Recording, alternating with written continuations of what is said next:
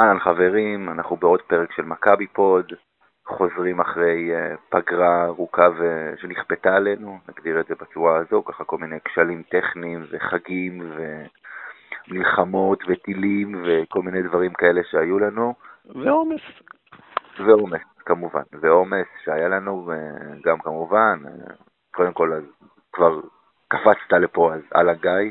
אהלן אמיר, כיף לחזור. תראה, כמו ששאלו אותנו, בתקופה כזאת אתם לא עושים uh, מכבי פוד, אתם עושים רק כשמכבי במאזן שלילי, רק כשנראים לא טוב, אז באמת שמתבקש, אתה יודע, ליהנות גם קצת.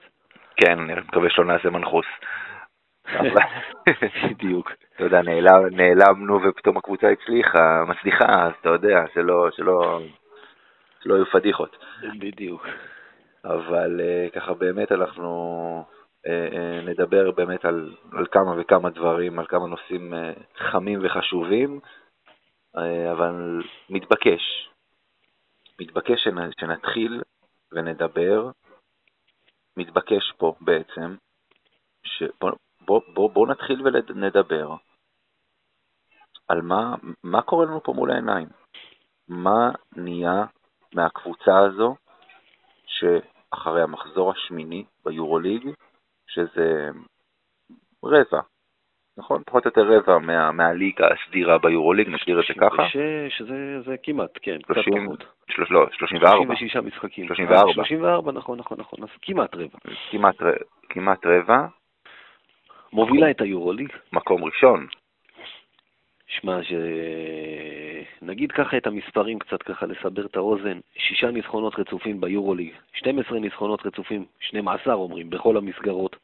בליגה, מאז שנה שעברה זה כבר 20 ניצחונות ליגה רצופים, הפרש. ממוצע של 19 נקודות. זה מכבי של פעם. זה מכבי של uh, לפני uh, 15 שנה. זה מכבי שלא ראינו הרבה זמן מעמידה מספרים כאלה, ו... אתה יודע, אולי עוד מוקדם להגיד האימפריה חזרה, אבל uh, זה מתחיל להרגיש ככה, ו... כיף גדול, אתה יודע, הרבה זמן uh, לא היינו מספיק תחרותיים, ולא העמדנו קבוצה שעושה את הדברים האלה, ואני לא יודע אם זה רק אני, שאני מסתכל על מקום ראשון ועל ה-6-2, ש-6-2, בוא, ראינו את ההגרלה, אמרנו את השמונה משחקים האלה, אפילו אתה, אמיר, אני לא חושב שחלמת על 6-2. כשדיברנו על ההגרלה פעם ראשונה, זה היה בפרק שעשינו עם יוני, יוני מונפו, כן. ודיברנו בעיקר על הארבעה המשחקים הראשונים, על חמיש, חמשת המשחקים הראשונים, סליחה, כי היינו, ידענו שיש לנו את השתיים בחוץ ואחרי זה שלושה בבית. בדיוק. ואני חושב שאנחנו דיברנו בתסריט אופטימי באמת על שלוש-שתיים. הכי אופטימי, כן. ועשינו אותו, אבל לא חשבנו אותה שוב. ואז אתה רואה אולימפיאקוס בחוץ, ואתה רואה בסקוניה בחוץ, עזוב אלבה, אה, בסדר, בוא נגיד. לא, לא, זה חלק מזה. תשמע, אל תשכח, שנה שעברה הפסדת לז'לגיריס בבית, במשחק שהוא מאוד מאוד חשוב. גם לנצח את אלבה, דווקא המשחקים האלה, דווקא המשחק נגד אלבה, לדוגמה, שאתה בא במומנטום, אתה מגיע כפייבוריט ברור, שם אתה יכול ליפול. מכבי של השנים האחרונות הייתה נופלת, סביר להניח. לא, זה נכון. קודם כל, תראה, גם מול אלבה, אף אחד לא נתן לה כמות נקודות כזאת, ואף אחד לא נתן לה הפרש כזה השנה. היא מפסידה קשה, גם שהיא מפסידה. נכון, יש לה מאזן 2-6, אבל היא מפסידה בקושי את המשחקים שלה.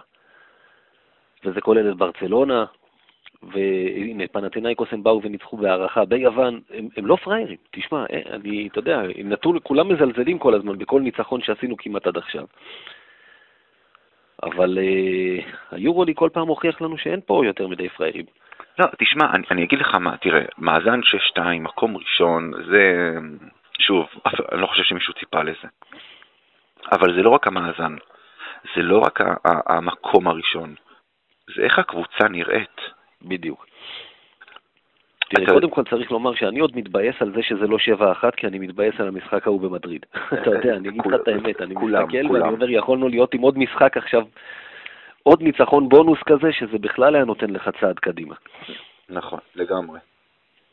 ואתה יודע, כאילו, דיברו על זה, אני לא זוכר באיזה משחק זה היה, דווקא משחק ליגה. דווקא משחק ליגה, אני לא זוכר נגד מי זה היה, ואתה יודע, וגם עכשיו, גם אחרי המשחק האחרון, משחק. אפשר להגדיר את מה שהיה שם איזשהו משחק, כי זה, זה היה התעללות בחסר ישע, המשחק ליגה נגד אשדוד. כן, כן, קשה לקרוא לזה משחק. זה...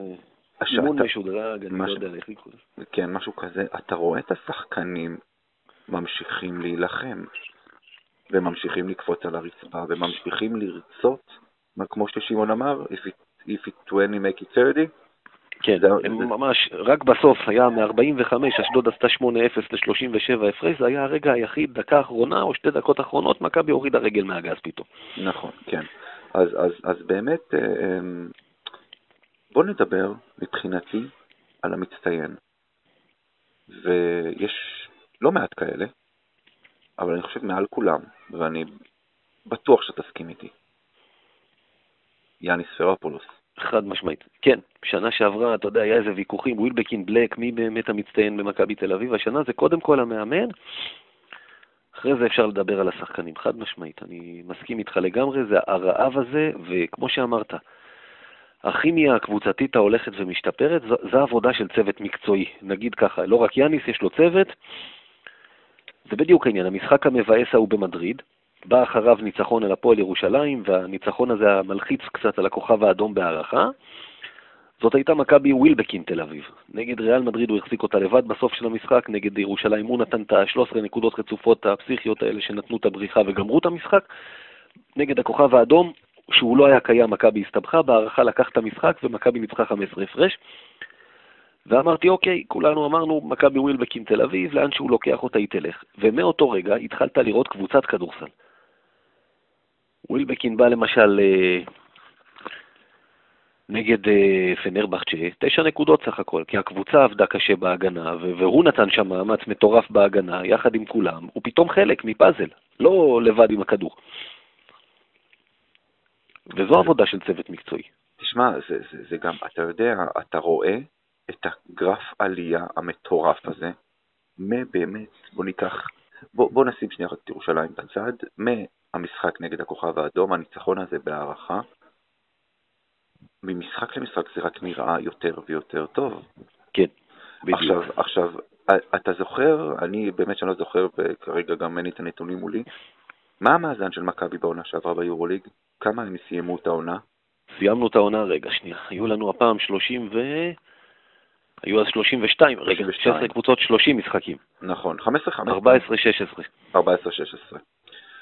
ויאניס הגיע במצב של 1-7, נכון? אתה ההיסטוריון כן. בינינו 1-7. יאניס עשה, רגע, יאניס עשה 13-10 ביורוליג, זה מה, ש... זה מה שאומרים, אז בואו נעשה את החשבון. יאניס עשה 13-10, נוסיף רגע את העונה הזאת. הוא הגיע ב-1-6. הוא הגיע ב-1-6, אוקיי, אז הוא עשה 13-10. כן, הוא הגיע לפני הנדולו, ומכבי הפסידה לאנדולות, וזה היה 1-7. אוקיי, אז הוא, הוא היה יומיים בתפקיד, אתה יודע, זה נחשב כאילו עליו, אבל אתה יודע. כן, בואו לא, לא, לא, לא, לא נספור לו את זה, אבל בכל מקרה, הוא עשה 13-10, והעונה 6-2, זאת אומרת, מאז שהוא הגיע, אנחנו מדברים פה על 19-12. יורוליג, כן, אם אתה לא מתייחס. עכשיו למסגרות מקומיות. נכון. אנחנו, אנחנו מדברים על יורוליג. תשמע, קודם כל, כן, זה, זה עבודה, אבל, אבל שוב, אני, גם שנה שעברה לא הוא בנה את הקבוצה, גם השנה, אתה יודע, היו ויכוחים על כמה הוא, אבל אני חושב שהיה לו חלק מאוד מאוד גדול במי נשאר, במי הלך, זה אחד הדברים הגדולים שהוא הביא. יאניס ספרופולוס, ואני חושב שזה אולי גם הבנה של הנהלה, אולי קצת ללכת אחורה, אבל הוא גם בא, וקודם כל הם באו ואמרו, תכיר, נעים מאוד, הנה גיא גודס עוזר המאמן שלך, וכמו הסיפור על משה דיין פעם, עם שהיה רמטכ"ל ובא הנהג שלו ואמר, אני הנהג שלך, והוא אמר לו, היית. אותו דבר. הביא את הנהג שלו מהפיקוד, אותו דבר. יאניס אמר, זה לא העוזר שלי, אני מביא את העוזר שלי, אתם לא תביאו את העוזר שלי, מפה זה התחיל. הבן אדם דרש, הבן אדם קיבל, ונותנים לו לעבוד. וזה בתור התחלה. וכשנותנים למאמן טוב לעבוד, יש תוצאות. ו- ואתה יודע, גם אנחנו, ואני חושב שכולם, כל פרשני הכדורסל בכל האתרים והערוצים למיניהם, וגם אנחנו כאן במכבי פוד, לפני תחילת העונה, כשעברנו ככה על הסגל, באנו ואמרנו, יש שחקן אחד שהוא, אפשר להגדיר אותו כסטופר הגנתי, אפילו דיברנו על, על כמה אולי דיאנדרה קיין יהיה חסר ב, נכון. ב, ב, בתחום הזה. ו... דיברנו רק על זוספן בתור שחקן שיכול לשמור. בדיוק, ושוב, אתה יודע, אני, אני מסתכל משחק אחרי משחק, ואני לא מאמין למה שאני רואה. אני לא מאמין שהקבוצה הזו שומרת כמו שהיא שומרת, שהיא נלחמת כמו שהיא נלחמת. אין שחקן אחד שאתה לא רואה אותו מזנק על הרצפה, כולל אה, בלק ווילבקין, וכל שחקן מהם. אתה יודע, זה, זה, זה מה שנקרא להילחם בשביל המאמן, אני, אני, אני מניח. כי הם פשוט נותנים את הנשמה על המגרש, והם שומרים. וקודם כל אני חושב שזו התרומה הכי גדולה של יאניס פרופולוס. אתה יודע, יש דברים שהוא, מה שהוא עושה באימונים אנחנו לא רואים, ואנחנו יכולים לראות במשחקים, אבל אה, אולי אני בטח לא איש מקצוע מספיק כדי להגיד, הנה, זה מה שהוא עשה. את הקטע הזה של השחקנים שנלחמים בשביל מאמן, שאני חושב שבמכבי תל אביב, אני מאז בלאט לא זוכר כזה דבר. המאמנים שהיו, אתה יודע... אתה לא זוכר. אתה לא זוכר כי לא היה. כי לא היה, אתה יודע, היה לך טבק, והיה לך... אה, בגצקיס. בגצקיס, והיה לך את... אה, רמי אדר. רמי אדר, זה, זה לא מאמנים שהשחקנים נלחמו בשבילם. נכון. גם לא ספחיה, שאגב הוא מאמן לא רע בכלל, אבל הוא, הוא יותר עצבן והלחיץ את השחקנים, אתה ראית שהוא מאבד אותם. ואצל יאניס, וזה כבר התחיל שנה שעברה, וזה רק חזק יותר השנה, כמו שאתה אומר, הם קופצים והם עושים את הדברים קודם כל כי, כי הם רוצים לעשות את זה בשבילו. שחקנים שלא חשבת שיודעים לשמור, דייט וולטר, סקוטי ווילבקין, אה, פתאום, כמו שאמרת, הם, הם חלק מיחידת חיסול, הם, הם עושים את החילופים כמו שצריך, הם, אה, הם לא עושים עוברים חסימה מלמטה, הם או, לא את החילופים האוטומטיים המרגיזים האלה. שהתחל, שהתחלנו עם זה את העונה. עם החילופים האוטומטיים התחלנו את העונה. ואני חושב שבאמצע המשחק נגד ירושלים הפסיקו. ופתאום משם משהו השתחרר, משהו פתאום, אם אני זוכר נכון, זה היה במשחק נגד ירושלים, אבל אם זה לא במשחק הזה, באחד מהמשחקים אולי הכוכב האדום, באמצע פתאום הפסיקו עם החילופים האוטומטיים.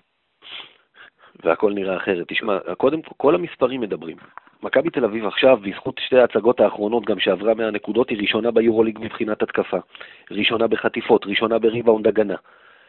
הגנה היא אחת הטובות. אתה יודע, שני המשחקים האחרונים, הגרבג' הארוך שהיה בוויטוריה ומול אלבה, הם, הם, הם עוד מעוותים את הנתונים. כן, נכון. כי כשמכבי הייתה צריכה לשמור, היא שמרה. מחצית ראשונה נגד אה, בסקוניה, 55-32, יופי של הגנה. מחצית שנייה זה ה run and gun של שני הצדדים, נגמרה 58-49 מכבי. 58-51, סליחה. לא הייתה הגנה בשני הצדדים, כי כל עוד מכבי קלה, לא היה אכפת לה להחליף סלים. אבל כשהיא הייתה צריכה ופתחה את הפער, הייתה הגנה, וגם נגד אלבה, רבע האחרון, פתאום אלבה נתנה איזה 25 נקודות, כי זה היה כבר garbage. והשלשות התחילו להיכנס להם. השלשות גם התחילו להיכנס, כי גם מכבי התחילה לתת אותם קצת יותר, אתה יודע, זה, זה שני צדדים. כן, ב-30 הפרש קצת קשה לשמור אינטנסיביות. זה עניין של איזה מבט יש לך לסל. נכון, נכון, אני אומר, אז זה עוד קצת מעוות. אבל כן, כמו שאתה אומר, גרף שיפור, מה שראינו בבסקוניה, ועוד אנשים התחילו לגמד גם את זה. אתה יודע, מדהים אותי שאנשים מגמדים בינתיים את מה שהקבוצה שלנו עושה. אז אלבה ברנין היא לא קבוצה, וולנסיה היא לא קבוצה, וכוכב האדום היא לא קבוצה, ואולימפיאקוס היא לא... ב... היא בעונה נוראית, ופנרבכצ'ה במשבר נוראי, ואתה יודע, הכ- הכל נכון, אבל עובדה שלא כולם מצליחים לעשות את זה בצורה כזאת יפה, נכון? אולימפיאקוס נכון, עונה נוראית, אבל ניצחה במוסקבה, ולא, אף אחד לא נתן לה עד עכשיו 25 הפרש באיצטדיון הזה, לא, לא ראיתי את זה קורה כל כך. ומעבר לזה, עוד פעם, אתה יודע, אם אנחנו לוקחים שנייה אחת, אנחנו, כמו שאומרים, משווים אה, אה, קוף לקוף וג'ירפה לג'ירפה, אז ניקח את מכבי בעונה שעברה, שהפסידה לגרן קנריה בחוץ, נכון? אחלה. שפגן קנריה הייתה במקום האחרון, או לפני האחרון, זאת אומרת לאורך כל העונה. ודרושה פאקה ניצחת בהתקף לב בקושי, היו שם, כן. בדיוק. אז זאת אומרת, אם אנחנו מסתכלים רגע על מכבי ומשווים אותה למכבי של העונה שעברה, או בכלל למכבי של השנים האחרונות, נגדיר את זה ככה, מאז העונה של גודס, בפעם האחרונה שהגענו להצלבה, זו לא, זה, זה, זה, זה לא קרוב אפילו להיות מה שהיה.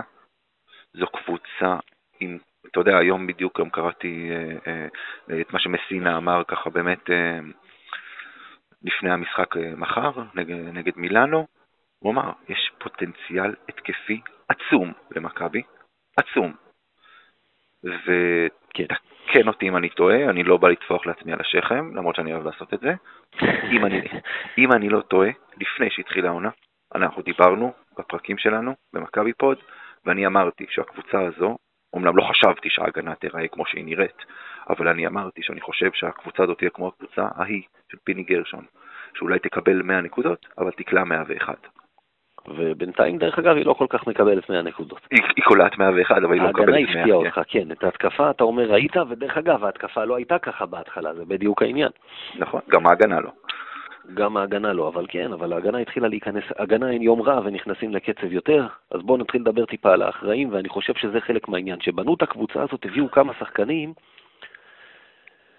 שנותנים את הערך המוסף. כלומר, אתה יודע, ווילבקין נשאר, ואני זוכר שהיה לנו, אה, שאחד ההקלטות שעשינו במשרדים של מכבי, רועי גלדסטון אמר לנו שסקוטי ווילבקין אומר לו, אני יודע שאני שנה הבאה אהיה יותר טוב. נכון, אני זוכר. וזה לא עניין של המספרים או של הקליעה. היותר טוב מבחינתי מתבטא בזה שהוא מחובר יותר לקבוצה, פחות כדררת ו... פחות משחק כרכז. פחות, פחות מוביל. כדור. ו- ויותר גם מחובר, אתה יודע, מניע כדור עם הקבוצה, וזה ממשחק למשחק. וקודם כל על זה אולי אחראי נייט וולטרס, שיודע למצוא אותו במקומות, לחפש אותו. האיש, אתה יודע, מכבי חיפשה, היא הביאה אותו, הוא יהיה רכז מחליף, חיפשה את הרכז ולא מצאה, ופתאום זה הרכז. ועד עכשיו הוא עושה עבודה לא רעה. בדקות שהוא לא על המגרש, אגב, רואים, כמות האסיסטים יורדת, מכבי פתאום חוזרת להיות פחות מסודרת. למרות שג'ון די עושה עבודה לא רעה בכלל, בסך הכל במשחקים האחרונים. כן, רכז מחליף. אבל אין ספק ש, שוולטרס אה, נותן תפוקה אדירה, ואתה יודע, אני חושב שיש יתרון עצום בזה שבסופו של דבר הוא לא, לא הביאו איזה רכז עם שם גדול, כי אתה רואה שהרבה פעמים, וולטרס לא מכריח. אני חושב שהיו מקרים בודדים שהוא באמת הכריח איזושהי זריקה. אה, אתה רואה שהוא יותר מחפש את המסירה. אתה רואה שהוא מזהה נגד ירושלים, למשל, הוא חיפש את ווילבקין באותו רבע שלישי, הוא פשוט חיפש אותו, כי הוא ידע והוא זיהה שהוא האיש תוכם. רותח, בדיוק. בדיוק, וזה, ו, וזה מה שרכז גדול יודע לעשות ויודע לזהות. וזה גם לא רק לדעת לזהות מי חם ולתת לו, זה גם איך ואיפה. בדיוק, בדיוק, ואתה יודע, וולטרס, אנחנו נדבר תכף על עוד גניבה אחת של מכבי, אבל וולטר זו גניבה אדירה. נכון לעכשיו, שוב, אתה יודע, עוד, שב, עוד שבוע, עוד שבועיים, עוד חודש, דברים יכולים להשתנות, הוא יכול פתאום להיכנס לתקופה פחות טובה. נכון. כרגע, כרגע, ואגב אגב, גם דיברו עליו, על זה שבמשחקי הבית הוא טוב, במשחקי החוץ הוא פחות טוב. כן, נכון, הבדל עצום אומרים. דרך אגב, אבל נגד בסקוניה בחוץ היה מצוין לדעתי. נכון, הוא, הוא היה טוב שוב בכל המשחקים. בריצה הזו של מכבי הוא טוב בכל המשחקים.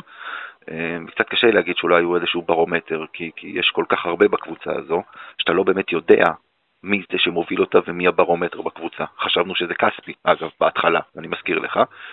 כן. ומסתבר ש... אני חושב שוולטרס הוא ברומטר אולי ליכולת התקפית, שהוא טוב, מכבי גם רצה בהתקפה יותר טוב. ומשחקים פחות טובים זה אלה שאולי ניצחת דרך ההגנה.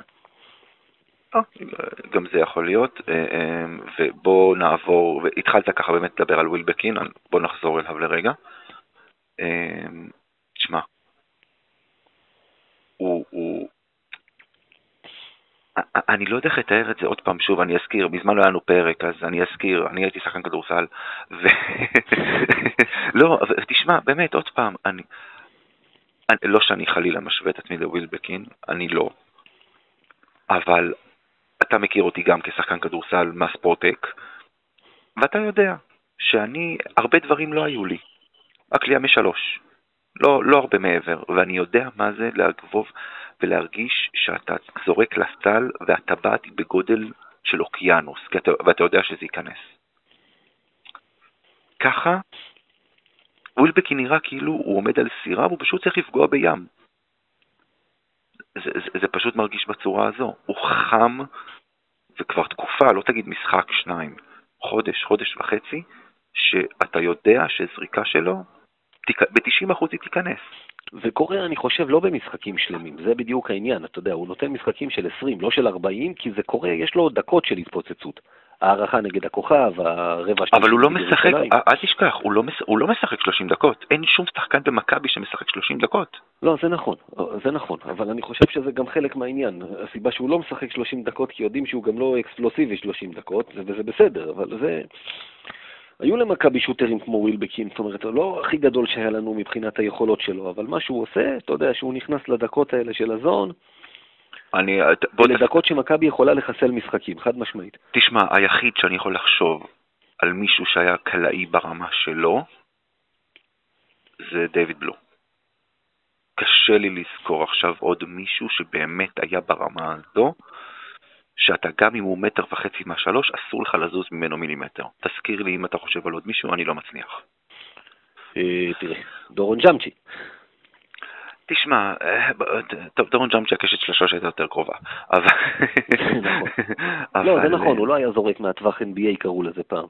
כן, הוא היה עובר על השתי חסימות, יוצא ככה לאמצע, בדיוק, אתה יודע, מיושר לזה, אבל גם קלעי טהור, בימים שהוא הרגיש נכון. חם והטבעת הייתה, אתה יודע, איך אמרת אתה, הטבעת בגודל של ג'ורה, שהוא הרגיש חם, לא צריך הרבה, שאתה חצי שנייה לכוון. נכון, אבל אתה יודע, מעבר לשינוי הזה בווילבקין, והזכרנו את זה שדיברנו קודם ככה על ההגנה, הוא שומר, הוא, הוא, הוא הראה שהוא יודע לשמור והוא יודע לעבור חזק על חסימות מלמעלה ולא מתחת לחוסם, ואז זה משאיר את, ה, את השחקן שהוא שומר עליו חופשי לקליעה.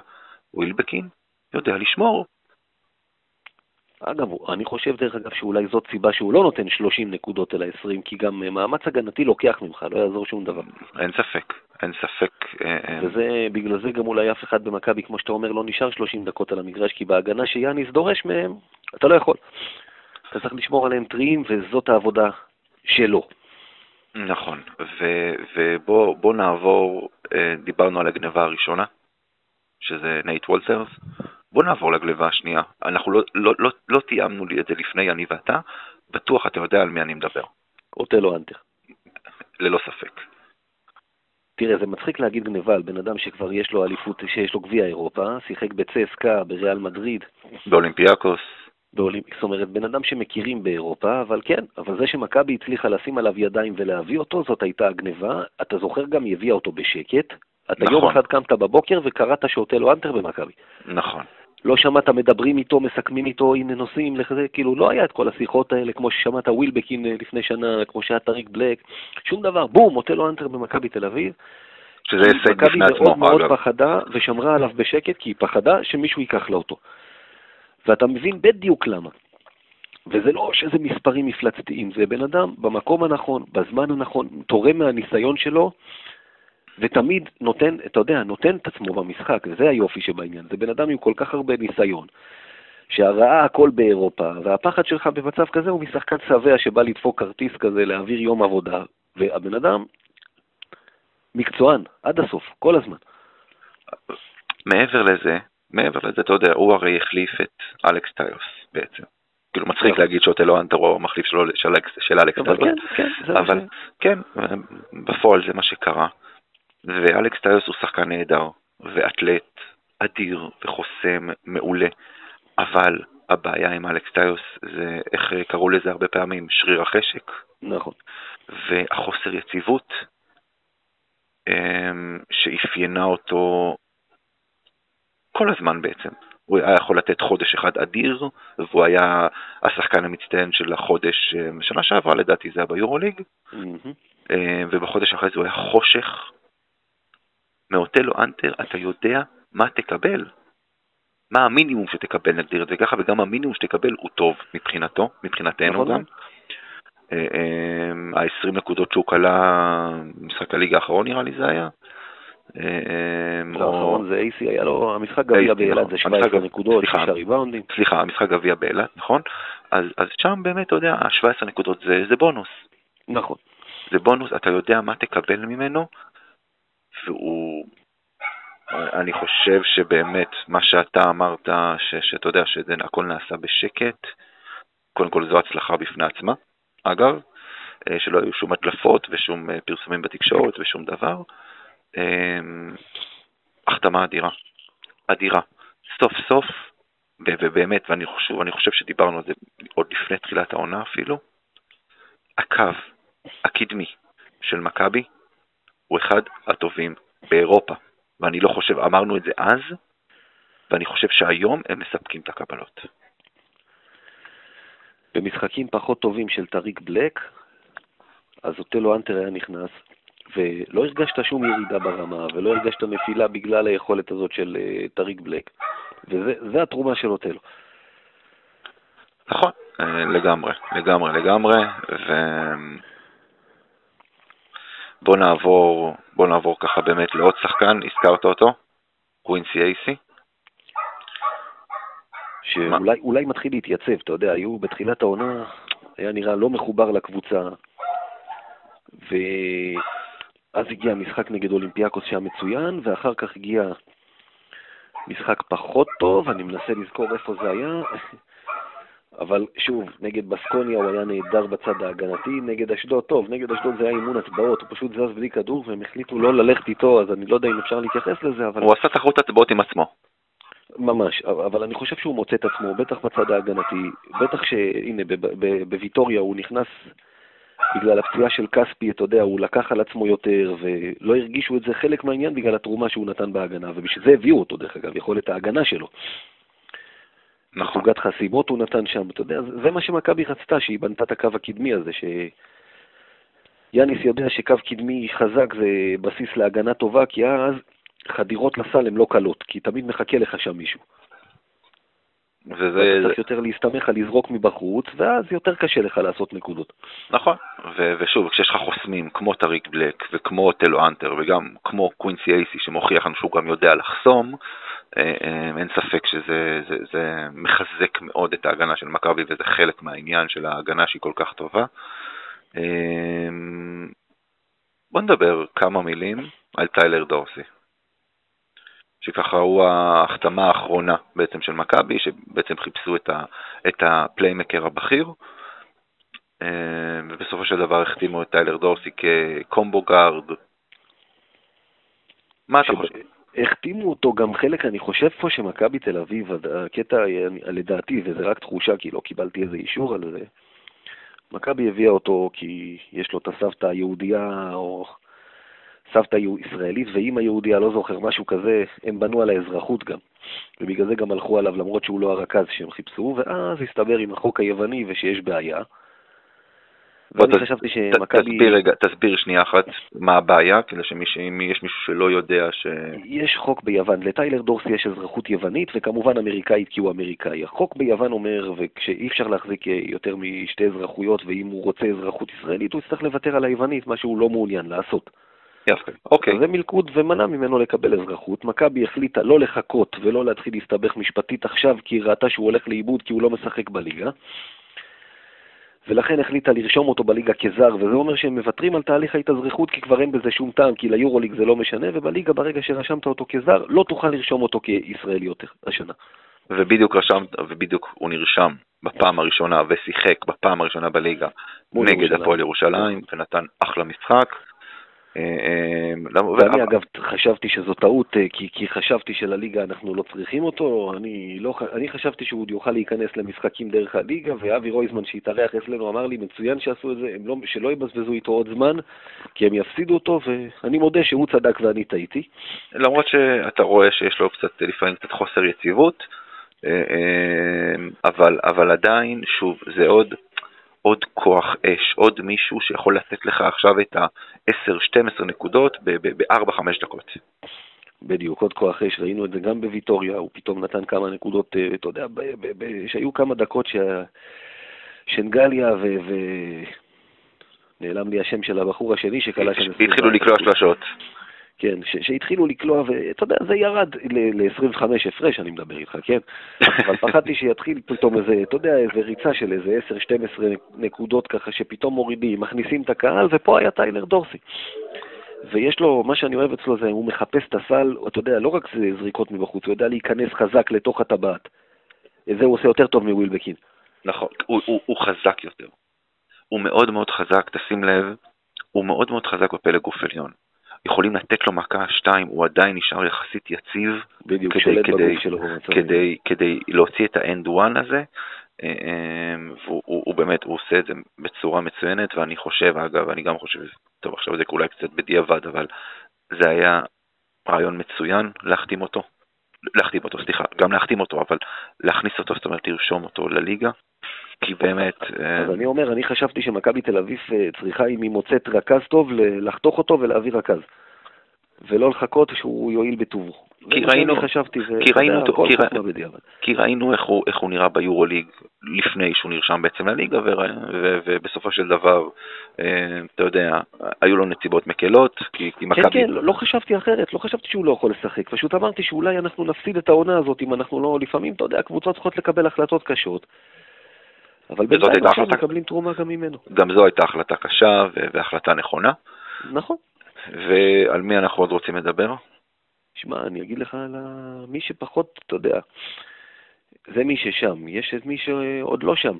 אה, דני אבדיה, לא, לא חלק. כרגע, אתה יודע, בתקופה הטובה הזאת. אז משחק אחרון הוא היה עם וירוס בבטן נגד אה, ויטוריה ולא שיחק, אבל אה, בפיראוס הוא לא שיחק בכלל, ו... הוא, הוא הפך להיות ממש השחקן ה-12 ברוטציה. ביורוליג. זה קצת חבל, נכון. ביורוליג, צריך לציין ביורוליג, בליגה הוא משחק. וכל עוד הקבוצה תרוץ גם הוא לא, זה לא ישנה את המעמד שלו, אתה יודע, הוא כנראה, אומרים, הסקאוטים אגב, מחר מגיע אה, ה general manager של קליבלנד לראות אותו. הוא הגיע כבר היום, אני חושב, לראות אותו באימון אפילו, אם אני זוכר נכון שקראתי. אני חושב שהוא בסוף ייבחר גבוה, וזה לא משנה כבר, אתה יודע, זה יותר אולי מכבי, עם הכדורסל הישראלי קצת יזכה לראות אותו בקבוצה ישראלית קצת נותן יותר. אבל... אה, תשמע, אני אגיד לך מה, דני אבדיה, אתה יודע, ראינו את הכישרון שלו. ראינו את הכישרון שלו, ראינו מה הוא עושה באליפות אירופה לנבחרות עתודה, למרות שעוד פעם, זה לא משקף. זה לא משקף וזה לא יעזור כלום, כי, כי מול אה, אה, שחקנים בגיל שלו, או מבוגרים ממנו בשנה או שנתיים, הוא יכול להראות מה הוא יודע, והוא יודע. אין ספק לשנייה אחת שהוא יודע. מול השחקנים הכי טובים באירופה, אוקיי? מול הקבוצות הכי טובות באירופה, מול האתלטים, מול הגודל, מול הפיזיות, זה לא יעזור, זה קשה לו. זה קשה לו. ואני לא חושב, אני לא חושב שצריך להכניס אותו בכוח, כי קודם כל זה גם יפגע במכבי וזה גם יפגע בו. כי ישחק משחק, שניים, שלושה, ישחק עשר דקות, חמש עשר דקות, והוא לא יהיה טוב, זה יכול לפגוע בו, יכול לפגוע לו בביטחון. להיבחר בדראפט הוא ייבחר, זה ברור, הוא ייבחר גבוה, גם זה ברור. אם הוא ירד ממקום, אה, אה, עכשיו לפי כל הרנקינג והדברים האלה, הוא באזור מקום חמש, פחות או יותר, ואם הוא ירד לשבע או שמונה, בוא, זה עדיין... אה, זה עדיין מקום שהוא מאוד מאוד מאוד מכובד ומאוד, ומדהים, עזוב מכובד, זה מדהים. אז דני אבדיה צריך להשקיע את כל מה שיש לו בליגה, שם הוא יגדל, שם הוא יתפתח, שם הוא ילמד מה זה לשחק באמת מול בוגרים ולא מול, אני לא, אני לא אגדיר את זה כילדים, אני לא חושב שילד בן 18 או 19 או 20 הוא ילד, אבל בליגה, שם זה המקום שלו. אוקיי, אז בואו נמשיך עם הישראלים, תכף נגיע למי שנפצע, אבל ניגע קודם בצלע השנייה. יובל זוסמן, איך ראיתי מישהו, גיל שלי, שאוהד מוכר, אמר, אל תהפוך להיות אה, נדב הנפלד. אתה יותר מדי מוכשר בשביל זה. תשמע, יובל זוסמן דיברנו עליו הרבה מאוד. אמ, אני חושב שהוא, קו הקריירה שלו הולך, אולי ההשוואה היא לא, לא הכי רלוונטית ולא הכי נכונה, אבל קו הקריירה שלו הולך כיוון של נדב הנפלד. הוא מבסס את המשחק שלו בעיקר על ההגנה, בעיקר על, ה, על, ה, על הדברים שעושים על המגרש שלא נרשמים בסטטיסטיקה, נגדיר את זה בצורה הזו. אמ, וחבל, לדעתי. למרות שהוא עושה את זה מצוין. הוא באמת עושה את זה מצוין. הוא עושה את זה נהדר בהגנה ובגלל זה הוא גם מרוויח את הדקות שלו, אבל כמו שאמרת, זה כיוון של NFL שבאחד שגם היה קולע, מפסיק לעשות את זה. זה איך זה אמרת, ב... לא לוקח כדורים לסל, גם לא זורק מספיק מבחוץ, וכשהוא זורק הוא לא פוגע. וזה עניין של ביטחון והוא יאבד אותו, ושוב, הוא מוכשר התקפית יותר ממה שאנפלד היה, והוא לא צריך ללכת לכיוון הזה. זה בדיוק העניין, שבהתקפה יש לו את מה שלנדב אנפלד לא היה. ו, ו, ו, ו, וזה חבל.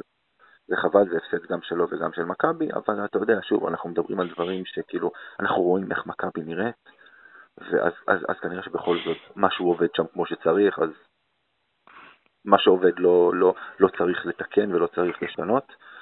אמ, יש לנו עוד איזה שחקן שאנחנו רוצים, כן, בואו, אנחנו צריכים לדבר על זה מן הסתם. אמ, עומרי double figure, figure.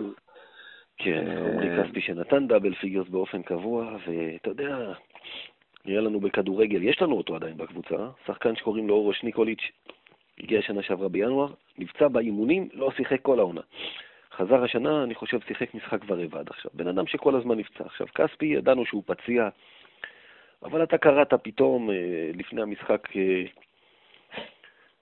אה, נגד בסקוניה, שאוקיי, הוא לא משחק, כאבים בברך, ואז עבר עוד משחק.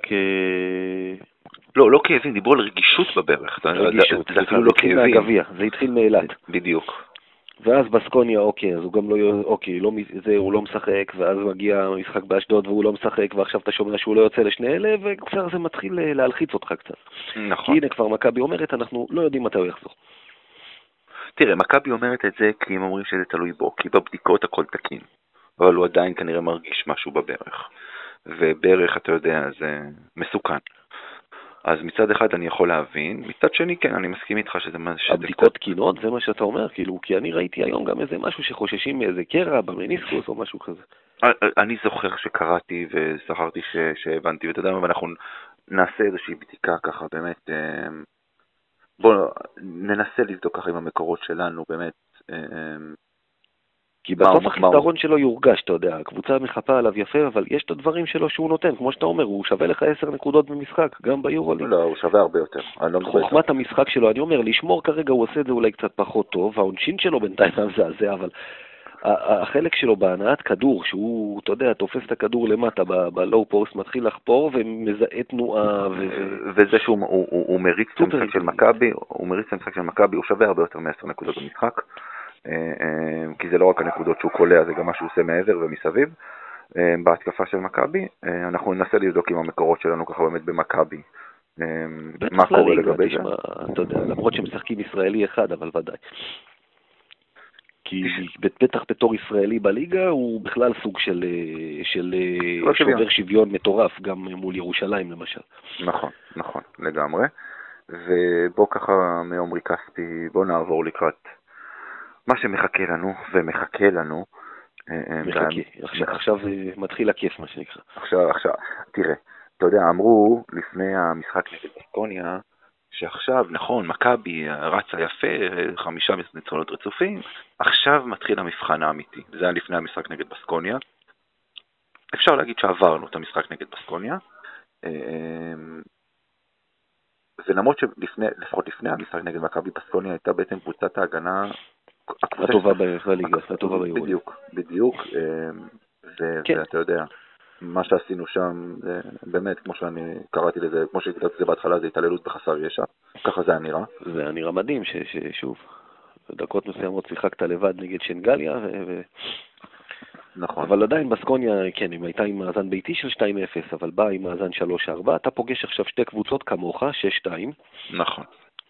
בוא נדבר רגע על מילאנו קודם כל. נתחיל איתם, כן. אז הנה, מילאנו, דרך אגב, בעיניי, כשאני חשבתי על שלושת המשחקים האלה, ידעתי שתמיד קשה לנו בספרד, למרות שבסקוניה על הנייר המשחק היותר קל, ההימור שלי היה שנפסיד בספרדיות וננצח במילאנו. פשוט כי האולם במילאנו הוא, הוא פחות ביתי מבחינת האווירה שלו, הוא לא ביתי בכלל, נגיד ככה. וכבר יש לנו אה, שם איזשהו ניצחון אחד. אה, בניגוד לספרד, יש לנו שם, אה, לא, גם לא רק ניצחון אחד, תשמע, מכבי תל אביב שם מאז שנת 2000, שהיורוליג סופר, זה מה שאני יודע ברקורד, אתה יודע, ללכת יותר אחורה היה לי יותר קשה. שמונה משחקים היו שם, וזה חמש שלוש לאיטלקים. זאת אומרת, ניצחת שם, היו לך ניצחונות שם. כן, אבל יש ניצחון אחד שכולם זוכרים. יש את הניצחון ההוא, כן, כן. אני זוכר איזה ניצחון שמוריס נתן איזה כזה פולו כזה ממש בשניות האחרונות או משהו כזה. 2007, גם זה היה, זה תמיד קשה שם, אבל... אה, אגב, אצלנו הם לא מנצחים בכלל, 8-0 מכבי. תשמע, מילאנו, בוא נגיד ככה, המשחק שם. מילאנו חזרה גם ל... ל אפשר להגדיר את זה סוג לא, לא יודע אם לטופ האירופי, אבל למרכז הבמה, בסדר? נגדיר את זה בצורה הזו, רק בשנים כן. האחרונות. רק באמת אולי מאז 2014 שהם בנו, התחילו לבנות קבוצה טובה, כי הפיינל פור באמת היה במילאנו. היה אצלם, נכון. אה, אה, אז הם באמת התחילו לבנות ולהשקיע קבוצה, להשקיע בקבוצה. ב, ב... זה לא כל כך עבד להם. אה, עד גם השנה... שנה שעברה הם עשו יופי של בעיטה בדלי בסוף, אתה יודע. כן, כן, אנחנו, אנחנו, אנחנו דווקא אנחנו כמכבי יכולים לזהות בעיטה בדלי מקילומטרים. וזיהינו את זה, את זה יפה. כן, בדיוק. היה להם לו"ז בסוף שגמר אותם, והם פשוט הפסידו והפסידו וקרסו תחת הלחץ. נכון. אה, ואגב, אני... זה הסיבה, אני חושב, ש, של הרכש של השנה, כי נמאס לארמני שם, אתה יודע, לזרוק את הכסף שלו ולא לראות. ואתה יודע, אני ככה, יצא לי לראות ככה כמה משחקים של מילאנו, ואני יכול להגיד, תראה, אה, אין ספק שיש להם שם קבוצה טובה, כאילו, אני לא, אני לא מגלה פה את אמריקה, אבל, וזה אבל גדול, קודם כל מחר בלי גודייטיס, בלי הסנטר שלהם, שזה משמעותי. אה, נתחיל מזה. בלבלה ראיתי שבספק. נכון, אני חושב שההיעדרות של גודייטיס היא יותר משמעותית, אבל זה לא משנה, אה, הוא בטוח בחוץ. בוא נתחיל מזה. יצא לי עוד. יש שם עוד, יש שם את אה, לואיס סקולה, שבגיל 38 עושה דברים שאני אני לא יודע איך... יותר מ-12 וחצי נקודות, כמעט 6 וחצי ריבאונדים, והבן אדם בדיוק, בן 40 באפריל. מדהים. אה, זה יורוליג, אני מדבר על ממוצעים ביורוליג, לא הולך עכשיו לליגה. כן, אגב, גם צריך לציין, אה, בשבוע שעבר מילאנו הפסידה ביורוליג לתזכיר לי, לחימקי. לחימקי, ובנוסף הפסידו גם בליגה האיטלקית. לפורטיטודו בולוניה, שזה כן, זה שני הפסדים רצופים. אגב, מילאנו כמו מכבי ביורוליג, היו לה שישה ניצחונות רצופים, רק שאצלה זה לא בא עכשיו, אלא היא הפסידה את הראשון במינכן, הפסידה את האחרון במוסקבה, ובאמצע שישה ניצחונות. אוקיי, אז אנחנו באים במומנטום טוב, והם קצת כן, פחות. כן. אז ראיתי ככה, באמת ככה, כמה משחקים של, אמ, של מילאנו, העונה. ושוב, הם קבוצה טובה. אבל, תוציא את הכדור מהידיים של סרחיו רודריגז, הם בבעיה. הם בבעיה. ואני חושב שזה המפתח שצריך להיות למכבי מחר, להוציא את הידיים, את הכדור מהידיים של סרחיו רודריגז. כמו ש... איך אומרים? שהאחרים ינצחו אותנו. מי שומר עליו? אתה יודע, אין דיאנדרי קיין השנה, מי שומר עליו? זוסמן. אני חושב שהוא עשה עליו עבודה מצוינת בשנה שעברה נגד צסקה. אמ, הוא יכול לשמור עליו, ואם זה לא זוסמן זה ג'ון די, כי אה, זה רודריגז זה לא, לא מהשחקנים שייקח אותו עכשיו וישחק אה, עליו פוסט-אפ אה, נכון. אגב לסל. אני חושב שיש לנו מי שישמור עליו. אגב, המפתח הוא גם בקו הקדמי לדעתי. מכבי תל אביב, שוב, קבוצת ריבאונד ההגנה, לאיטלקים יש בכל זאת, גם שגודייטיס לא משחק, יש סקולה ויש את טרצ'בסקי, קוראים לבחור, קיילב. אנשים עם בשר, אנשים גדולים. הם לא ינצחו אותנו, זה בדיוק העניין. ברגע שאם תוציא את סרחיו רודריגז, תראה, יש, עד כמה שאני מבין ועד כמה שאני יודע, יש, אם אתה רוצה ניצחון, יש פה שני תסריטים. או שתיתן לסרחיו רודריגז לקלוע את ה-30 נקודות אפילו, אבל אח, תשתק את האחרים, תוציא אותם מהמשחק, או שתוציא אותו לגמרי מהמשחק ואחרים לא ינצחו אותך. ככה אני רואה את זה. אם, אם יהיו לך שם שלושה, ארבעה שחקנים בדאבל פיגר, אז אתה בבעיה. אה, ככה אני רואה את זה, לפחות ממה שאני ככה ראיתי באמת את, את מילאנו משחקים. המשחק שלהם לא שוטף. שוב, יש שם שחקנים טובים, המשחק שלהם אבל לא שוטף, ואתה רואה שוב, ברגע שלא סרחיו רודריגז מקבל את ההחלטות, יש להם שם אה, אה, לא מעט בעיות, אבל שוב, אל תשכח, יש לך גם את, אה, את אה, מיצ'יץ'? מיצ'יץ'? לא. איך קוראים לרכז שלהם? מיצ'וב. לא, לא, לא, לא, לא מיצוב. לא מיצוב, לא מיצוב. יש להם את הרכז, תסלחו לנו, כן, שברח לנו עכשיו השם שלו, שגם בעונה שעברה היה מצוין, אבל נעדר חצי עונה בערך. אה, תכף אנחנו נזכר בשם שלו. אה, יש להם שם שחקנים, אבל שוב, סטכר רודריגז לדעתי הוא המפתח במשחק למחר. מיצ'יץ' זה באנדולו, אתה לא מתכוון אליו. יכול להיות שאני מתבלבל. אמ, אנחנו ככה באמת, אמ, אני לפחות חושב שוב, כמו שאמרתי, רודריגז הוא המפתח. בוא נדבר על ברצלונה. בוא נעבור לברצלונה, אנחנו ככה מעריכים הפודקאסט, הפרק הזה הולך להיות ארוך. יותר אה, קשה, על הנייר, כי שוב, פה יש יותר שחקנים שיכולים, אתה יודע, אתה לא יכול להגיד אותו אני מחסל ו- וזהו. נכון, נכון, נכון, אני מסכים לגמרי. אם כי שוב, ברצלונה עד עכשיו, מבחינה קבוצתית, לא מראה שום דבר שאתה אומר, אני לא יכול להתמודד איתו. תשמע, ברצלונה... הניצחונות שלה עד עכשיו, לא, אתה יודע, הם לא פירקו אף אחד חוץ מאת אלבה ברלין בבית.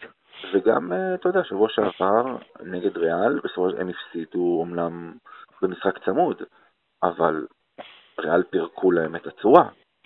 באיזשהו שלב בתחילת הרבע השני היה 39. כן. אגב, גם מילאנו, מילאנו ניצחה את ברצלונה 13 הפרש, זה היה שוב במילאנו.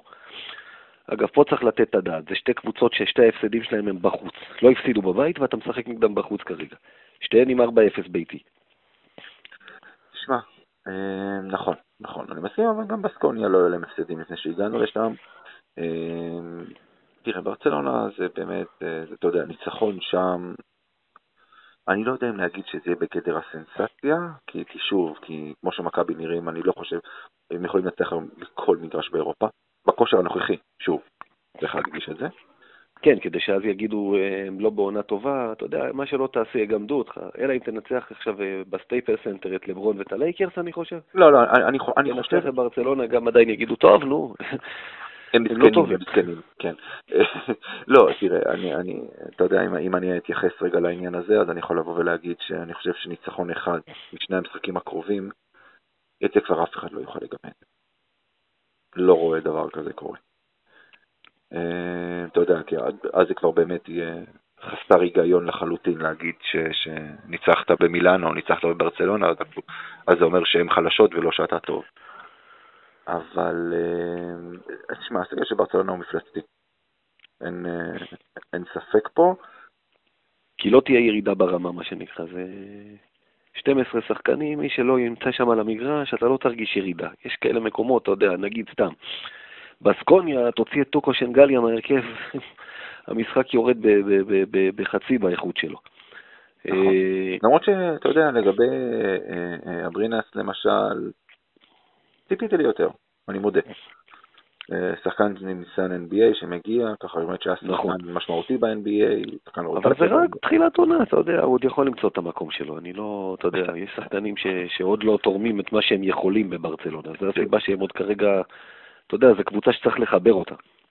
שימצא את המקום שלו ביום ראשון בליגה, לא, לא ביום שישי. לא, אין בעיה, זה עוד מוקדם. אני דווקא חושב שאתה יודע, מבחינת הלו"ז, זה שאתה מקבל אותם עכשיו בחוץ, זה עוד איכשהו נוח, כי, כי אם, אם אתה יכול להפתיע שם, זה עכשיו, ב, ב, לא בהמשך העונה שהם יתחברו. נכון, לגבי זה אני, אני לגמרי מסכים.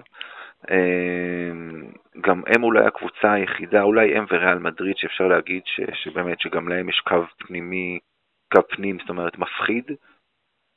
שיכול לגמרי להתמודד עם, ה, עם, ה, עם הגבוהים של מכבי. אה, כן, וטומיץ' הוא שחקן שהוא חיים קשים, גם לשומר כמו קווינסי אייסי, כי הוא יוציא אותו החוצה לדעתי. כן, סביר מאוד להניח. אה, טומיץ', שהיסטורית עושה לנו את המוות. כן, תמיד היה קשה לנו עם הגדולי גוף האלה. כן, למרות שעם בסל הסתדרנו דווקא בסדר אה, נגד פנרבכטה. בסדר, גם עם, אה, אתה יודע, גם עם הקו הקדמי של אה, בסקוניה, שאגב הוא גם גבוה, חזק. עשינו להם חיים קשים. תראה, שוב, אין ספק, אם נחזור רגע לתחילת הפרק שדיברנו על ההגנה של מכבי, תהיה להם עבודה לא פשוטה גם נגד מילאנו, במיוחד נגד ברצלונה, אבל שוב, כמו שמכבי נראית עד עכשיו, בחודש וחצי האחרון, האחרון האחרונים,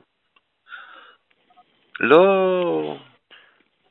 זה אפשרי, נגדיר את זה בצורה הזו. אני אגיד לך משהו, יש סיבה שקלישאות הן קלישאות, כי הן צודקות בהרבה מאוד מקרים. אני הולך להגיד לך קלישאה. עם האוכל בא התיאבון. כשאני הסתכלתי, תחילת העונה עשרה משחקים, היו אומרים לך חמש חמש, היית אומר זה בסדר, 6-4 היית קונה בשתי ידיים, ואנחנו נהיה במקרה הרע 6-4. רצינו, אני רציתי, אחד משלוש לפני של... הסריה הזאת של שלושת משחקי החוץ, ואחד כבר לקחנו. אבל עם היכולת הזאת, אני אומר לך שאני בא למשחקים של מחר ויום שישי, ואני רוצה לפחות אחד מהם. אני רוצה אחד משניים לפחות, אני לא, לא קונה שני הפסדים. זה לא בשמיים, אבל זה בדיוק העניין, שזה לא בשמיים. זה מה שאמרתי, זה אפשרי לגמרי. אתה יודע, לבוא ולהגיד שתיים משתיים זה כבר באמת אה, להיות קצת אולי חזירים, כרגע לפחות, אה, לפני המשחק נגד לא, מילאנו. אבל אחד אני חושב שזה לא מוגזם מבחינתי ולא חוצפה מבחינתי לבקש, בכלל לא. בכושר הנוכחי של מכבי, לא. בכלל לא חוצפה ובכלל לא מוגזם. לא שאני חושב שזה יהיה קל, אתה יודע. גם נגד בסקוניה לא חשבת שיהיה קל, ונגד פנרבכצ'ה לא אוקיי. חשבת שיהיה קל, ואתה יודע, כאילו... אז בוא נעבור אה, אה, במעבר חד בואו נדבר לביצה, כן, לביצה המקומית, והאמת היא, מה שקורה עכשיו זה תכלס ביצה. כן, זה ביצה, זה, זה בדיוק, כי זה ממחיש את כל החולאים שיש פה. בדיוק, אה, בואו גם נסביר רגע על מה אנחנו מדברים. רבע גמר גביע המדינה, מכבי תל אביב נגד הפועל ירושלים. מתי? ביום שני, כן. לך תדע מתי, כי, כי אתה יודע, התחלנו במלחמה ואתה לא יודע איך זה ייגמר.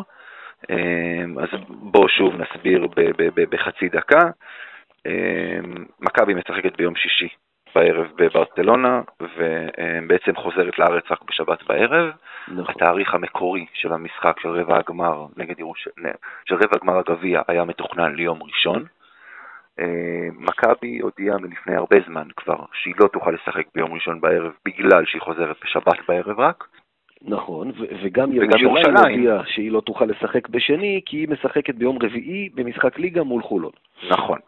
אמ, אז בעצם בשמינית גמר, ברגע שמכבי עברו את אילת, בשמינית הגמר, היא בעצם חיכתה למנצחת בין הפועל תל אביב להפועל ירושלים. אמ, וברגע שהפועל... כי אז עשו את ההגרלה, משהו כזה, אני חושב שהיא הייתה באזור הזה, אני לא זוכר אם זה היה לפני שמכבי עברו או אחרי, אבל זה... לפני שירושלים שיחקו בנה מול הפועל, אבל uh, בכל זאת עשו לא, את זה אחרי שכבר הלו"ז קבוע. ההגרלה הייתה, ההגרלה של שמינית הגמר הייתה בדיוק... אה, של שמינית, לא של הרבע. של, של הרבע, סליחה, של הרבע הייתה בדיוק בין, בין, ה, uh, בין המשחק של אחרי שמכבי ניצחה את אילת ולפני שירושלים ניצחה את הפועל תל אביב. יפה, אבל אחרי שמכבי ניצחה את אילת, וזה אומר שיש לך שבוע או שבוע וחצי לפני חצי, לפני רבע הגמר, אז אתה לא יודע מי יהיה ומה יהיה, ואז מנסים לקבוע את המשחקים, כי כבר הליגה קבועה, יורו ליג קבוע, צ'מפיונס ליג של ירושלים קבוע, הכל קבוע. כן. ככה זה, זה האיגוד, האיגוד אחראי על הגביע, מינהלת אחראית על הליגה. בטייטל, תכלס אף אחד שם לא עושה כלום, מסתבר. אה, לא המינהלת זה עניין, ירושלים צודקת גם דרך אגב, אני לא חושב שזה עניין של ירושלים נגד מכבי, כולם צודקים פה ואף אחד לא חתם. תשמע, אני שמעתי היום את גיא הראל אומר דבר אחד מאוד פשוט. תזיזו לנו את המשחק נגד נכון. חולון, אין לי, ואין להם שום בעיה שהמשחק נגד מכבי יהיה ביום שני. נכון, נכון, אבל הבנתי שיש לחולון בעיה שיזיזו את המשחק, כי גם לה יש המסגרת האירופית שלה, את הליגת אלופות, אני חושב שגם זה בעייתי, דיברו על זה. תקשיב, אני אגיד לך משהו אחד מאוד פשוט. בליגה, שהמחזור הראשון, השלמה, משחק השלמה מהמחזור הראשון מתקיים בינואר, שבשנה שאחרי, אפשר, כן. אפשר למצוא, בואו נתחיל מזה, אפשר למצוא, אוקיי? אני אגיד לך, מה, קודם כל, קודם כל. משחקי ליגה, תשמע, בינינו אתה יכול להזיז ולא יקרה שום דבר. לא, אבל, אבל אני, אני, אני רוצה שנייה... אבל גם פה יש לך צפוף, אולמות דפוסים, זה חנוכה, זה פה, תשמע, הם גם צריכים לתמרן בתנאים בלתי אפשריים, זה, זה, זה מה שקורה פה. אני מסכים, אבל אני רוצה לשאול אותך שאלה. קבוצה כמו ירושלים, שאי אפשר להגיד שהיא לא קבוצה עמוקה וארוכה וכאלה. נכון. אתם לא יכולים לשחק שני משחקים ב-48 שעות, כמו שמכבי עושה אגב, למשל ביורוליג, ביורוליג, כן, שמדובר פה גם על טיסות באמצע,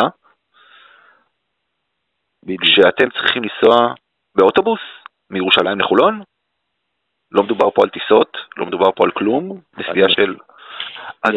בהינתן, בהינתן ששוב, שקבעו הכל וחולון אי אפשר להזיז את המשחק וזה יפתור לכולם את הבעיה, ונפל הברוך, מה שנקרא. אתה יודע, הם בונים באיגוד על זה שמישהו מסדר את הכדורים נכון ומכבי ירושלים יוצא רק בגמר, כי זה מה שקורה כל השנים האחרונות. לא, זה לא, זה לא, קורה, בשנים, זה לא, קורה, זה לא קורה בשנים האחרונות, כי בדרך כלל אחת מהקבוצות האלה לא הגיעו לגמר. לא, אני מדבר על הגביע, האיגוד, הגביע. כן, כן, כן, כן, הגביע. אני גם מדבר על הגביע. מתי היה פעם אחרונה מכבי ירושלים בגביע המדינה? בגמר גביע המדינה? שלוש שנים. ארבע שנים, משהו כזה. יפה, שמכבי ניצחו בארנה. כן. יפה. מאז... זה קורה לפעמים, בפלייאוף כמה זמן זה לא קרה לך, אתה יודע. כן, מ-2007. בדיוק. אז uh, בכל זאת, uh, בכל זאת זה קורה לפעמים, אבל כן, אני, אני חושב שלא בנו על זה. ברגע שזה יוצא, ואם אי אפשר להזיז את המשחק מול חולון, ואם אין את האפשרות, אז אנחנו, לא, אנחנו משוחדים, נכון. אבל עדיין יותר הגיוני שקבוצה תנחת ביום שבת, בלי אימון. יום ראשון יש משחק גביע, שממנו אין תיקון, זה לא ליגה. בדיוק. אתה אומר, יאללה, נפסיד, לא קרה. בלי להתאמן, היא תבוא בלי הכנה, או שכמו שאתה אומר, קבוצה תשחק פעם אחת בחיים שלה, פעמיים ב-48 שעות, במשחק ליגה שאותו יכולה להפסיד, בלי טיסה. לא, ובשביל זה הבאתם שבעה זרים, ואז תרשמו פעם אחת את קופשס ולא את uh, טיישון תומאס. מה יקרה? לא, בסדר, תשמע, אתה, אתה יודע, עכשיו עוד ירושלים יבוא ויגיד לך, כן, אבל קופשט בכלל לא רשום לליגה, ותשמע, כל, מה אחד? כל, אחד יש לו, כל אחד יש לו את הטיעונים שלו, נכון, נכון, אני אומר וכל, באמת, וכל אחד חושב. שהוא צודק. אני, אני, שוב, אני יכול להבין, קודם כל אפשר לבוא בטענות לאיגוד, שאיך שנגמר המשחק בין הפועל תל אביב להפועל ירושלים, ישר קפצו ואמרו המשחק ביום שני. זאת אומרת, גם לפי מה שאני מבין, לפחות גם אפילו לא, לא דיברו על זה עם ירושלים. אוקיי, נכון. שזה, שזה גם טעות לאיגוד. בוא נתחיל, יש פה גם טעות למינהלת. למה קיבינימט צריך שלושה סיבובים בליגה הזו שגם מוסיף רק על העומס? בשביל מה זה אה, טוב? עוד משחקים, עוד כרטיסים, אתה יודע. בסדר, מבחינתה, עוד כרטיסים, חוץ ממכבי וירושלים וגם חולון, בסדר? שגם, אגב, לא ממלאת את האולם שלה, אבל לא משנה. מי מביא פה קהל בדיוק? זה מה שהם? אומרים, אתה יודע. זה מה שהם אומרים. אני שנים מסכים שסיבוב שלישי פה מיותר. יפה. אז, בכל זאת, שוב, אתה יודע, אנחנו, אנחנו ברשתות, אנחנו בפייסבוק, אנחנו, ב, ב, אנחנו רואים כמה שזה נהיה מלוכלך, ונמאס לנו מזה. לי, אני מדבר בשם עצמי, לי נמאס כבר תשמע, מזה. אתה ראית היום את התיאוריות קונספירציה שהאיגוד חיכה בכוונה כי שמעון אמר לו לחכות. אתה יודע, זה, יש דברים שכבר באמת, עזוב. כן, גם, אתה יודע, משהו שאני חייב להגיד. כולם מדברים על זה ששמעון מזרחי הוא סגן יושב ראש האיגוד, ובגלל זה הדברים פועלים לטובת מכבי. נכון. במה בדיוק הדברים פועלים לטובת מכבי? במה? בזה, בהגבלת הזרים, במספר, בחוק הרוסי, בחוק הרוסי המצומצם שעכשיו, בזה שצריכים להודיע 24 שעות לפני המשחק במי נרשם למשחק, בחוק בפיינל בריס, פור, אבל זה בפיינל כל- פור, אבל כל בחוק בריסקר, בחוק. הצעירים, לא מש... בסדר, אין שום בעיה. אבל אף אחד לא יכול לבוא ולהגיד פה ששמעון מזרחי מפעיל את הקשרים שלו. די, הם אומרים. אתה יודע. ברגע שזה האיגוד וזה הגביע ששייך לאיגוד, אז זה מה שאומרים. זה מה שאומרים, שהאיגוד שווה שמעון מזרחי, וכל העניין הזה היה בכוונה. שמעון מזרחי הורה לאיגוד לחכות עד למשחק אחרי ועם הפועל תל אביב, ורק אז להגיד להם שזה ביום שני, ונו, אתה יודע. בסדר, כן, כל, ה... כל, כל הבכיינים למיניהם, שפשוט די נמאסתי מהם. בוא נדבר שתי מילים רגע על המשחק עצמו, מקצועית. תשמע, אתה יודע, משחק גביע זה משחק אחד. ברור, זה קודם כל אצלנו בבית. אנחנו בכושר מדהים, ירושלים ראית אותם נגד הפועל. גם ראיתי נגד, בור של 17. גם ראיתי אותם נגד פועדוב. כן, נכון. פורטז, פועדוב, אותו דבר. לא, לא, בסדר. גם הם יודעים שמכבי בכושר טוב והרבה, אבל... ו- וגם מארחת, נכון. אבל גביע זוכרים בסוף מי לקח. אני תמיד אוהב לתת דוגמה ש- שמכבי תל אביב בכדורגל, 2002 לקחה גביע, זה התחיל בניצחון בפנדלים על צפרירים חולון, ששיחקה אז בלאומית, כאילו בליגה השנייה. חוץ ממני היום אף אחד לא זוכר את זה, כי הם לקחו את הגביע. בסיבוב ח' הם ניצחו בפנדלים קבוצה מהליגה השנייה. בסוף ירושלים ניצחה לא משכנע את הפועל. מכבי ניצחה מאוד משכנע את אילת. מכבי נראית נהדר. אם מכבי תיפול על יום רע וירושלים במשחק נתון תעקוץ, אז ירושלים תמשיך הלאה, זה גביע. אתה יודע, זה, אם יש מקום שאפשר להפתיע בכל מקום חוץ מבאליפות של הכדורסל בישראל, זה הגביע. נכון, אבל אתה יודע, גם משהו שצריך לציין, אה, אחרי המשחק בבסקוניה, שמכבי סיימו עם 5,000 אחוז לשלוש בערך, אה, הגיע המשחק נגד אשדוד, שלמרות שנגמר 40 הפרש, מכבי הייתה ביום רע, יום כליאה רע משלוש. נכון. אה, וזה, ונכון שאי אפשר להש- להשוות את אשדוד לירושלים, אבל עדיין יום כליאה רע משלוש, והמשחק נגמר ב-40 הפרש. וב-94 נקודות ביום רע. בדיוק. כן. יפה. אבל כי זה לא הייתה הגנה באמת בצבע. ירושלים יש לה את הגוף לשים על מכבי. נכון. יש את אה, גיימו, יש את תומאס, יש את מי לשים, יש לה קו קדמי היחיד בליגה שיכול להתמודד בכבוד, מה שנקרא. נכון, זה, זה אני מסכים, אבל אתה יודע, בסופו של דבר, וזה לא יעזור כלום, בליגה שלנו לפחות, זה תלוי יותר במכבי מאשר בכל קבוצה אחרת. נכון, שוב, ממשחק אחד, אני אומר לך, יש שנים שכמו השנה, שאם לא היה פיינל פור, אם, אם היו, אם אנחנו שנה הבאה וחוזרים לסדרות, אני הייתי אומר לך חד משמעית, אפשר לחתום את האליפות השנה, עד כדי כך, כי זה כמו, אמרתי, המספרים הם של מכבי של פעם, ומכבי של פעם בסדרות אלופה. בפיינל פור לא יודע, בגביע, במשחק אחד, לא יודע. פייבוריטים, כן, בטח שזה אצלנו בבית. מקווה שלא יהיו פשלות. גם אם זה היה בכל זאת עייפות, טיסה מברצלונה אחרי מילאנו, גם זה ישפיע. גם אם זה היה בארנה, אנחנו עדיין היינו פייבוריטים, שוב, נכון, אבל פחות. פחות, ברור שפחות. אה, אה, אז בואו נעבור עכשיו אה, להימורים שלנו. פלוס מינוס חצי ניצחון משני המשחקים הקרובים. תשמע, אתה יודע, אני מפחד, כי אתה אומר שאני מהמר אז אנחנו טועים בדרך כלל. אז תשתוק. אל תהמר. לא, לא, לא. נו, מה אתה אומר? מה דעתך? זה קשה, כי אני, אני צופה הפסד בברצלונה, ואני צופה משחק צמוד במילאנו,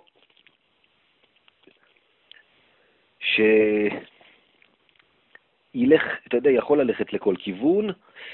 גיא, under over, חצי ניצחון.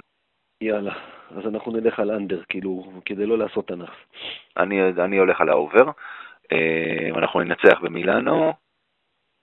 ברצלונה יהיה צמוד. יהיה צמוד.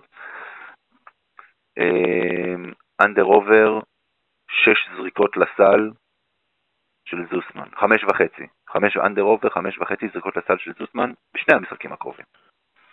רגע, בשניהם ביחד? בשניהם ביחד. over. over. אני הולך דווקא על under.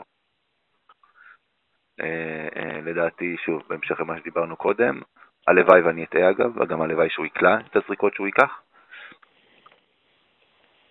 אני אלך עכשיו על הימור הזוי.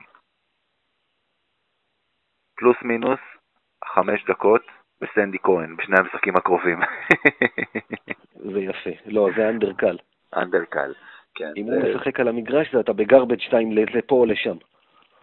לא, לא, אם, אה, אם אתה בגרבג' 2 כי אתה בפיגור, אני לא חושב שהוא יכניס את סנדי כהן, אבל uh, בסדר. יש לך הימור שאתה רוצה לתת? בוא נעשה דבר כזה. אה, אני אלך איתך עכשיו על... אה, בוא נלך על הפועל ירושלים, בגביע. אה, דו-ספרתי, under over. תשע וחצי נקודות.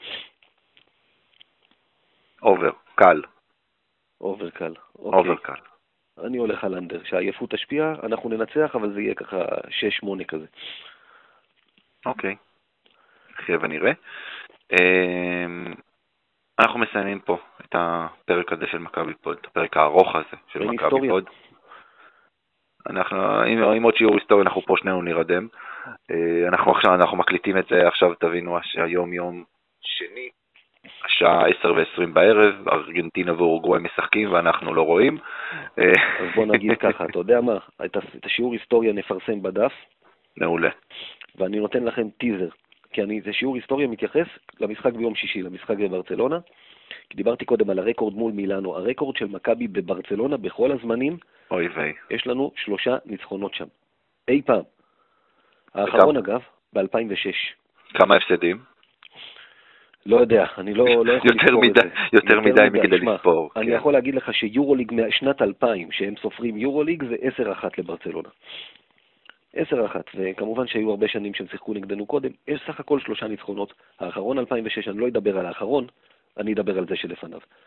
זה אנחנו, תחפשו אותנו בשיעור ההיסטוריה שיעלה. מעולה. אתה יודע מה אני זוכר מברצלונה? של פעם? לא את Mhm. כל הכוכבים הגדולים. רוברטו דואניאס, רוברטו דואניאס, פרנקנשטיין המודרני. כן. פרנקנשטיין עם השערות בכל מקום. אה, 2.20, שאני חושב שכן, חלק מה, מה שזה זה השערות. זה השיער, כן, הוא תכלס הוא מטר תשעים, עם השיער זה עוד 30 שערות. סנטימטר. על הכתפיים, בדיוק. כן. אה, אז אנחנו כאן מסיימים את הפרק הזה. אנחנו... שבוע הבא נחזור למתכונת רגילה, אני מקווה. אני גם מאוד מאוד מקווה. אה, אנחנו מקליטים את הפרק כמקום ראשון ביורוליג. מי יודע, אולי הפרק הבא יהיה ששמרנו על המקום הראשון ביורוליג. פנטזיות קצת. בסדר, אני לא רוצה לסיים ראשון, אני רוצה, אתה יודע, קודם כל אמרתי, השאיפות צנועות. הצלבה השנה אחרי ארבע שנים בלי. אני לא דיברתי על לסיים ראשון. אני שבוע הבא רוצה להקליט פרק שאני עדיין מקום ראשון. זה טוב, עוד אפשרי, אתה יודע, גם עם ניצחון משתיים. נכון. אה, אז גיא, המון המון תודה. תודה רבה, אמיר. תודה לכם. תודה לכל מי שהאזין, ויאללה מכבי. יאללה, מכבי.